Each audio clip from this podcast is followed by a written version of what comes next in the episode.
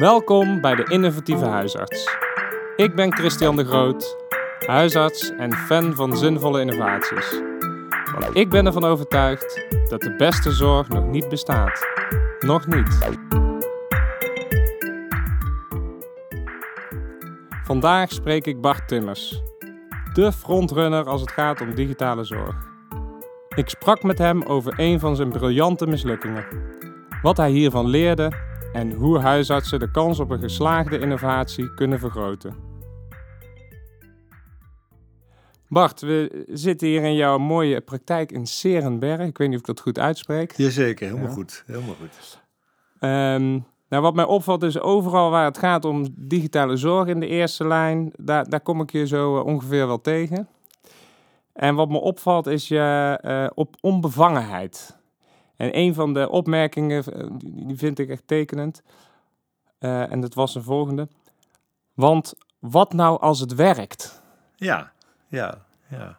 Heb je dat van nature, is die, die onbevangenheid? Um, ik denk het wel. Ik denk dat ik, uh, ik heb er eens over nagedacht, maar ik, denk dat ik het wel van nature heb. Want toen ik met de praktijk begon, um, ik weet dat een van de eerste dingen was dat mijn collega's, mijn oudere collega's toen, dat was bij de opkomst van het internet, die kwamen al klagen over dat mensen allemaal met uitdraaien van het internet uh, kwamen. En het eerste wat ik dacht van, dat is toch hartstikke mooi, want dan, mm. dan kun je ze dus uh, een beetje sturen en toen dacht ik al wel van, oh, daar kan je een heleboel leuke dingen mee. Dus ik, ik denk dat ik altijd wel, wel onbevangen erin heb gestaan. Ja, en dat ik altijd wel denk van, wat kan je er nou allemaal mee? En ook wel heel nieuwsgierig ben naar wat je er allemaal mee kan. Um, nou, we beginnen vandaag uh, met twee stellingen. En mag je alleen ja of nee op antwoorden? Dan komen we daar later wel even op terug. De eerste stelling: briljante mislukkingen bestaan niet. Ja of nee? Nee, het is een dubbele vraag. Briljante mislukkingen bestaan wel. Ja, ja. De, de tweede. Digitale zorg is zowel voor de huisarts als patiënt een must. Ja, ja, ja, ja, ja. Ik mag maar één keer ja zeggen. nou, je mag al meer keer ja zeggen, dat is niet erg. Ja. Um, nou, wat ik al zei, uh, een briljante mislukking. Um, meestal hebben we het natuurlijk over een innovatie die gelukt is, maar ik wilde hem een keer omdraaien om te kijken van wat kun je daar nou van leren. Uh, je hebt mij ooit eens verteld uh, bij een nascholing bij de, dat was bij de CMIO eerste lijn, ja. dat jij ooit zo'n project hebt gehad of een innovatie waarbij, waarbij je eigenlijk tegen een aantal dingen bent aangelopen. Daar zou ik het ja. graag met je over hebben. Mm -hmm. En dat mhm. was volgens mij de Health Communicator. Ja, klopt. Ja, ja. Er zijn natuurlijk wel meer. Ik, ik, denk dat als je wil innoveren, dan moet je accepteren dat af en toe iets niet lukt. Uh, dat hoort er eenmaal bij. Moet je niet bang voor zijn. Sowieso als je ondernemer bent, moet je dat niet zijn. Maar Health Communicator, dat is hier helaas niet gelukt. Terwijl het een hartstikke mooi product is, uh, overigens. Uh, maar de reden waarom het niet gelukt is hier, en daar kwam ik eigenlijk pas later achter, is dat ik me op dat moment mijn team niet voldoende mee had genomen. Uh, dus ik kan ook wel analyseren waarom het niet uh, lukte. Ja. Het product, daar liggen niet aan. Dat was goed, geloof ik ook nog steeds in. Maar ik ben er toch mee gestopt, omdat het gewoon te weinig gebruikt werd. En dat heeft er dan mee te maken dat je in al je enthousiasme denkt van... oh, dit is mooi, dit is goed. En dan zie je al hoe het werkt. En dan blijkt later dat je vijf stappen te ver vooruit loopt... en dat je je team mee moet nemen. Dus dat heb ik er wel van geleerd. Want het, is een, uh, een, het was een soort hulpmiddel met al voorbereidende vragen, ja. uh, geloof ja. ik. Hè? Ja, eigenlijk uh, de huisarts die het ontwikkeld heeft, Hans Nederhof, die uh, had heel veel allochtone patiënten in zijn praktijk en die heeft dit programma eigenlijk ontwikkeld als een soort vragen, gestructureerde vragenlijsten, die hij dan ook kan vertalen naar allerlei talen van patiënten die in zijn praktijk zaten. Mm. Um, ik heb ook wel een aantal andere nationaliteiten, maar ik zag vooral een mogelijkheid om uh, bijvoorbeeld de, de ketenzorg, de chronische zorg, uh, om dat voor te bereiden. Waardoor hè, dat je dan van tevoren mensen al vragenlijsten laat invullen. En dat je het consult dan beter kan voorbereiden. En het gesprek wat je met de patiënt hebt, dan echt over de inhoud kan laten gaan. Uh, maar goed, wat heb je daarvoor nodig? De medewerker van je praktijkondersteuners. En die vonden het wel een mooi plan. Maar in de praktijk lukte het gewoon niet. En een paar keer uh, eraan getrokken en gevraagd: jongens, waarom lukt het niet? En oh ja, ja, ja we gaan het weer proberen. Ehm, maar ik heb hun onvoldoende meegenomen in mijn hele, hele visie erop. Nou, dat heb ik ervan geleerd. Als ik weer eens met een innovatie kom, dan moet ik van tevoren mijn team echt goed uitleggen wat ik dan zie en hoe ik denk dat het gaat werken.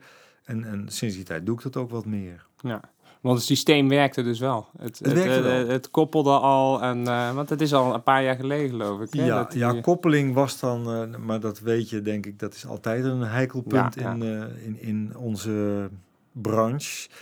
Want ik weet dat ze heel erg hun best hebben gedaan om een mooie uitspoel te maken uit de database van het HIS. Maar dat moest dan geloof ik iedere drie maanden opnieuw. Dus dat liep ook niet zo lekker. En ik kreeg berichten via Edifact binnen, maar dat ging ook nog niet heel erg soepel. Maar goed, dat, dat heeft natuurlijk heel veel te maken met onze basissoftware, die helaas nog niet zo heel flexibel is. Nee, nee. Want hoe ben jij uh, toen begonnen met, uh, met dit project? Um, ik kwam op een, ik dacht op een beurs of het NRG-congres of iets dergelijks, kwam ik in een stand dit product tegen. En gesproken met Hans destijds. En ja, dat, dan zie ik in één keer van, oh, dit kan het wel betekenen. En um, word ik enthousiast, een demo gevraagd en uh, van start gegaan. Ja, ja. ja. Maar dat, dat, dat is ook een beetje mijn aanpak. En weet je, ik vind het niet erg als iets niet blijkt te werken. Uh, dat klinkt misschien stom, maar uh, ja, wil je je nek uitsteken, dan moet je af en toe wat proberen en dan concluderen van, oh, dit werkt niet. Uh, andere kant is dat je ook vooral niet te beroerd moet zijn om wat langer te trekken. Want ik ben altijd heel enthousiast en denk van, oh, dit is zo goed. Hè? Binnen drie maanden gaat het wel werken. En dan blijkt mhm. dat het toch wat langere tijd nodig heeft. Dus je moet soms ook wat langere adem hebben. En je moet ook niet te bang zijn om gewoon wat langer te blijven investeren in, een, in een project. Als je erin gelooft, nou, dan moet je toch wat langer doorzetten. Ja. En, en want waar, waar liep je toen tegenaan? Want je zegt al van ja, er werd eigenlijk onvoldoende gebruik van gemaakt. Ja, ja. Nou, ik, ik denk dat het vooral was dat uh, de praktijkondersteuners die zaten nog in hun oude patroon. En je moet uh, je oude patroon doorbreken. En uh, ik denk dat ik dat van mezelf wel redelijk kan. Uh, sterker nog, ik vind het altijd een uitdaging als ik even wat anders mag denken. Mm. Maar de gemiddelde praktijkmedewerker, die, die, die zit ook in een bepaald stramien vast. En die moet je dus ook faciliteren om daaruit te komen. En ik denk dat betekent, die moet je van tevoren goed brieven over wat het inhoudt. En die moet je, uh, nou ja, je, je kent het misschien wel uit de huisartsopleiding. Je moet eigenlijk de hele kwaliteitscirkel uh, ja. door. En ik ben iets minder van de procedures en protocollen volgen. Ik ben wat meer wat dat betreft een, een ja, vrijbuiter, zeg maar. En dat werkte de eerste tien jaar van mijn praktijk wel goed. Uh, maar, maar wat ik eigenlijk ermee wil zeggen is, wil je dat echt structureel doen, dan moet je het ook echt in je team inbedden. En sterker nog, ik denk dat, dat je het in je regio moet inbedden. Ik denk dat de tijd voorbij is dat je het als pionier in je eentje uh, moet doen. Dat kon toen ik met mijn praktijk begon wel, maar ja, ik denk dat je het nu gewoon toch wat gestructureerder moet doen. Ja. Waarbij ik dan ook wel wil waarschuwen voor, want dat zie ik heel vaak bij de, de zorggroepen. Dan moet er een plan komen, het moet helemaal doordacht worden. En dan denk ik soms ook wel eens van, ja, uh, een beetje proberen mag ook wel. Een beetje pionieren mag ook wel. Laat het dan maar een keertje mislukken en leer van je mislukkingen. Ja. Daar geloof ik wel in. En um, uh, wat je zei al van, ik neem, ik heb geleerd om eerder Ehm, mijn medewerkers daarin mee te nemen. Um, en, en hoe heb je dat dan later gedaan? Eh, heb je een soort van methodiek uh, of is dat gewoon uh, aan de slag en kijken of je een soort medekartrekker kan vinden binnen je, binnen je praktijk? Nou, ik, probeer een soort combinatie te maken, want mijn aard is inderdaad van hop aan de slag. Um, wat ik nu doe, ik denk erover na. Ik schrijf wel het liefst op een half A4'tje wat, wat mijn plan is. En ik probeer het zo dan uit te leggen dat uh, een assistent of een praktijkondersteuner ook ziet hoe het kan werken. Uh, dus je begint met de uitkomst al in gedachten. Van kijk, als het gaat werken, dan zouden we dit of dat kunnen, ermee kunnen bereiken. En als ze dat onderschrijven, dan ga je in stappenplannen werken. Wat ik ook wel zelf doe, is dat ik voor mezelf wel even de hete kastanjes uit, uit het vuur haal. Dus de ingewikkelde dingetjes uh, ervaar. En als het een beetje werkt, dan, dan schuif ik het door. Dan zeg ik, jongens, ik heb het al een beetje uitgezocht. Maar als we dit en dat doen, dan, uh, dan moet het wel gaan werken. En dan op het werkoverleg uh, probeer ik echt de stappen iedere keer toe te, liggen, te lichten. Ik heb nou met de assistenten afgesproken dat we... We hebben één keer in de maand echt een groot werkoverleg, maar we hebben één keer in de week zo'n klein overlegje. Mm. Even van, goh, wat leeft er en loopt dat project nog? Dat je echt een vinger aan de pols houdt. En, en hebben jullie uh, ook een soort van uh, digi-assistent of digi-medewerker die voor jullie eigenlijk ook zo'n ehm, implementatie in de gaten houdt? Of? Nee, ja, dat heb, heb je natuurlijk toch... Als je van oudsher degene bent die dit soort dingen trekt in je praktijk, dan komt het automatisch een beetje bij mij neer. Wat, ik wel op een gegeven moment heb gezegd, is dat um, uh, daar moet je niet aan vasthouden. Dus onze praktijkmanager heeft nu wat meer de rol van het implementeren. Hmm. Ehm, mijn rol, waar, waar, ik goed in ben, is gewoon uh, een beetje out of the box denken en een idee globaal uitwerken. Waar ik niet goed ben, is dat in detail en met veel geduld aan de medewerkers blijven vertellen. dus dat doet de, dat doet de praktijkmanager nu. Ja. En, en ja, dit was dan een voorbeeld van een. Uh, volgens mij heb je het eerder een, een, een experiment genoemd. Hè? Geen mislukking, maar een experiment. Nee, hè? Daar ja, praat je liever over. Ik ervaar het ook niet als een mislukking. dat is heel stom. Maar dan, dan, dan besluit je eigenlijk besloten na een jaar van, nou helaas, het werkt niet. Ik denk, en, en soms heb je meer projecten. En daarom zeg je van, nou dan moet ik met deze maar even stoppen. Want normaal stop ik niet zo snel. Maar er waren toen wel andere dingen. En toen bleek dat ik het uh, te laat op had gezegd. Heb ik nog een, een, een, jaar voor niks betaald. Dat is een beetje best zonde van het geld. Van de andere kant denk ik van, you win some, you lose some. als, als organisatie kan je dat best hebben, zo'n bedragje. Ja. ja. En uh, heb je, hoe betrek je patiënten daarin? Want patiënten zullen ook moeten wennen aan die veranderingen in jouw praktijk. Um, ja, heel erg. Dat valt me soms tegen. Um, kijk, van één kant vind ik dat je je moet aansluiten bij de vraag van de patiënt. Um, van de andere kant moet je ook een beetje durven invullen wat mogelijk uh, een oplossing voor een vraag zou kunnen zijn. Um, op het moment dat ik met e-consulten begon, toen was ja, toen de, e-mail was net ingekomen, zeg maar. Toen dacht ik van nou, dit is zo briljant. Uh, dit gaat iedereen gebruiken. Mm. Um, dat heeft echt wel een jaar of drie, vier geduurd voordat het een beetje volume kreeg. Maar iedereen die het gebruikte zei wel van wow, dit is handig.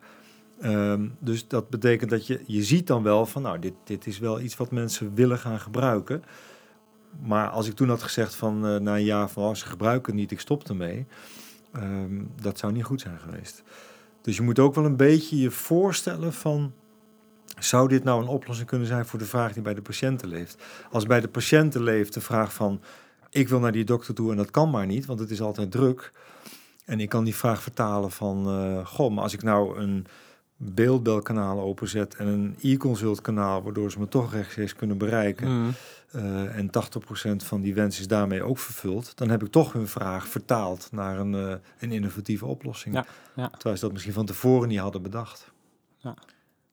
En zijn dat, uh, maak je dan ook gebruik van een soort patiëntenpanel of een, een, een, groep mensen waar je, bij, waar dat probeert te toetsen? Nee, ik heb er wel eens over gedacht om dat te doen. Maar waar ik dan tegenaan loop is dat um, als ik naar mijn eigen populatie kijk, die is zo ontzettend divers. Um, ik zit in de achterhoek. Ik heb echt achterhoekse boertjes. En ik heb ook import uit het westen. Mensen die komen rentenieren. Uh, mensen van Turkse afkomst, Marokkaanse afkomst. Ik heb Duitsers in de praktijk. Uh, uh, veel lage zes, maar ook zo wel hoog opgeleid. Ja, wie ga je dan vragen? Mm, mm. Dus ik probeer wel goed te luisteren van, van wat leeft er. Maar tegelijkertijd probeer ik ook wel eens tegen de stroom in te roeien. Ja, want als ik altijd... Want soms zeggen mensen wel eens van... ja, hier willen we dat digitale niet. Dan denk ik van nou, maar die 30, 40 procent die er inmiddels gebruik van maakt wel. Ja, ja precies. Ja, je hebt som, sommige plaatsen, ik weet niet of dat hier ook is... dat er uh, bijvoorbeeld bibliotheken daarin faciliteren om in ieder geval de digitale vaardigheden bij te brengen. Ja. ja, daar word ik enthousiast, want een jaar of uh, vier geleden, vijf geleden ben ik uh, naar de gemeente gestapt van, goh, kunnen we nou die mensen die het niet kunnen, kunnen we die niet helpen? En die wezen we inderdaad op de bibliotheek. En uh, toen ben ik met die bibliotheek een, een soort samenwerking aangegaan. Um, en dat is toen tot, tot één grote bijeenkomst gekomen, waarbij we met bibliotheek, welzijnsorganisatie en huisarts een bijeenkomst hebben georganiseerd om te laten zien, goh, wat kan je op digitaal gebied uh, met je gezondheid? Mm. Hartstikke succesvol. En, en, toen kwam alleen corona er vlak achteraan, dus toen heeft het even stilgelegen. En we zijn net nu weer bezig om het op te starten, omdat we letterlijk de wijk in willen. En mijn ideaal is dat Ehm, als ik tegen mensen zeg, bijvoorbeeld van nou, we hebben een, een beeldbel inloopspreekuur. En mensen zeggen, ja, dat kan ik allemaal niet.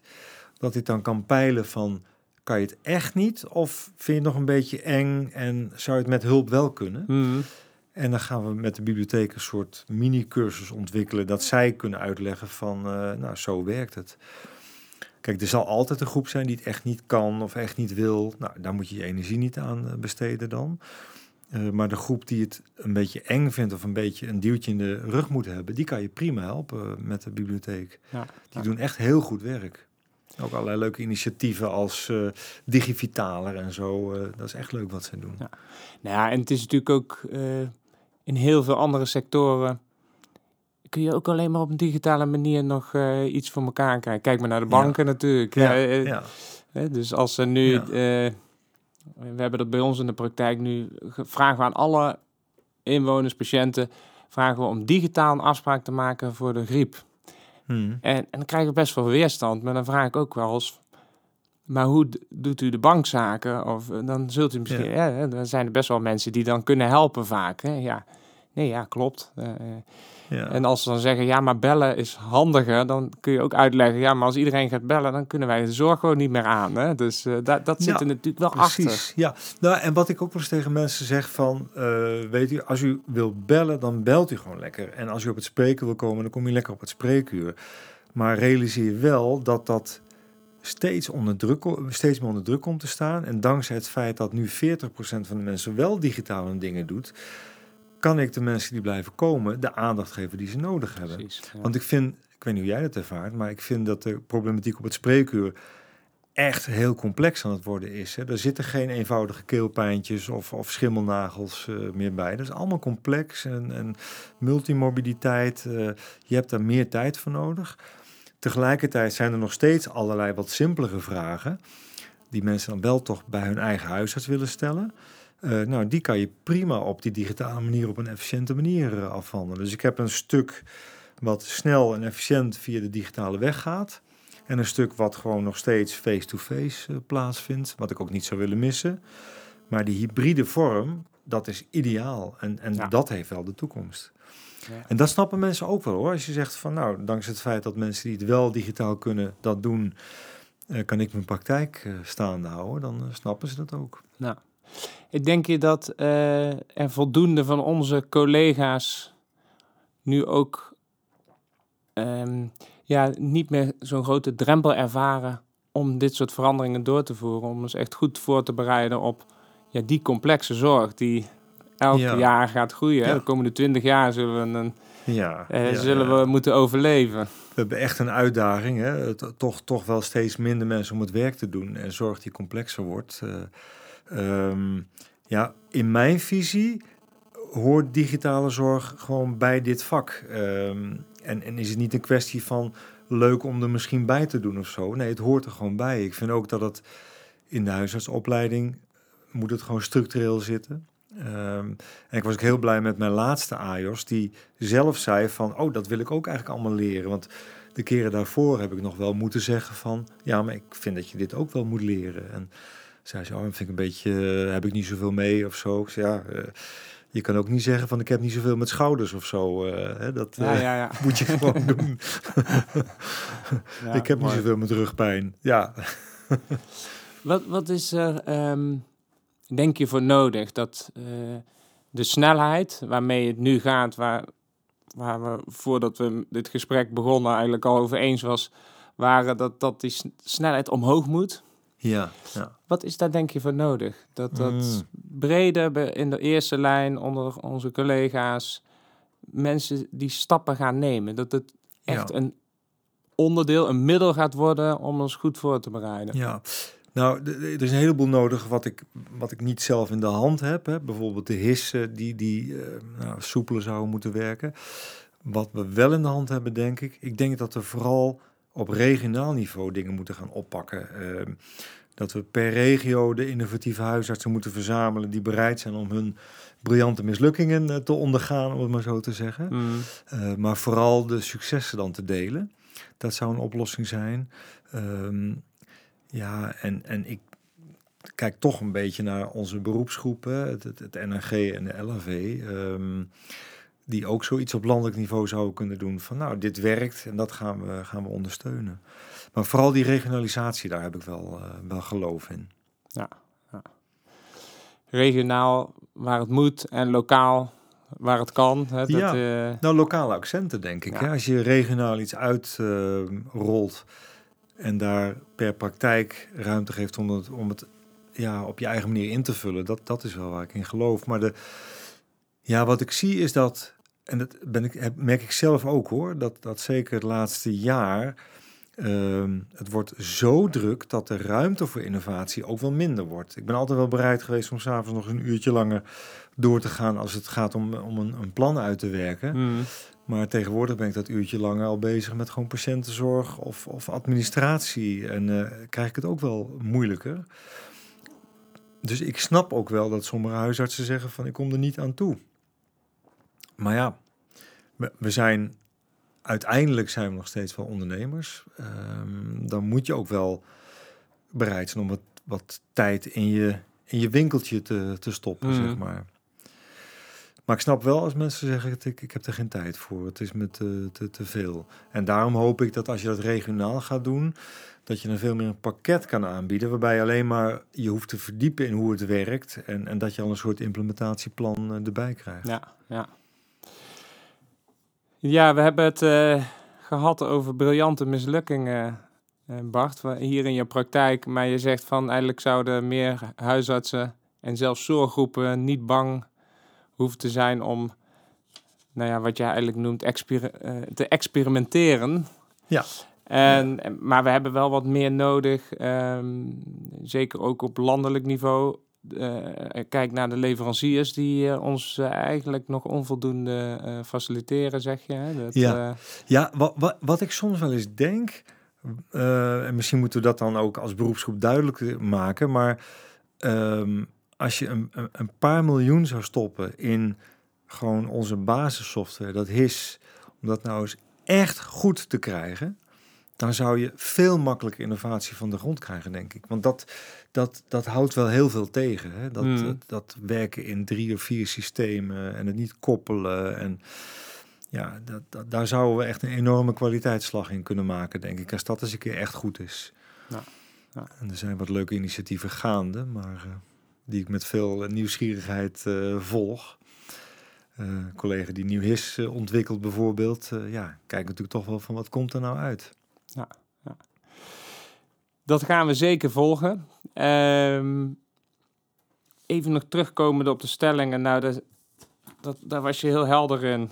Briljante mislukkingen bestaan niet. Nou, jij, jij spreekt liever over experimenten. Ja, ja, ja. ja. En, en inderdaad, dat vasthouden aan wat, wat nou als het lukt. Uh, ja, ja. ja, dat vond ik heel mooi. Ja. En, uh, dat is een liedje van Kraantje Papi trouwens. Ja? Uh, wat, wat, nou als het, ja, wat nou als het lukt, heet dat geloof ik. Het zou een mooie outro zijn voor deze... Ja. Wat nou als het lukt, mama. Oh. Je moet er eens opzoeken. Ja, dan gaan we kijken of uh, onze editor als outro kan uh, maken van deze podcast. zou wel lachen zijn. Ja. Even kijken, en de digitale zorg is zowel voor de patiënt als de huisarts een must. Nou ja, dat, dat is denk ik in jouw hele ja, verhaal heel goed naar voren Ja. gekomen. Nou, wij um, eindigen altijd, of wij, ik eindig altijd met de vraag: Wat zou jij naar de luisteraar in één zin mee willen geven? Hou vol. Echt volhouden hoor. Dat eh, innovaties. stopt de tijd in, maar geef het niet te snel op. Hou vol. Dit was de Innovatieve Huisarts. Met een inspirerend verhaal om de zorg slimmer in te richten. Ik zoek verder naar nog meer mooie innovaties. Je hoort snel van me.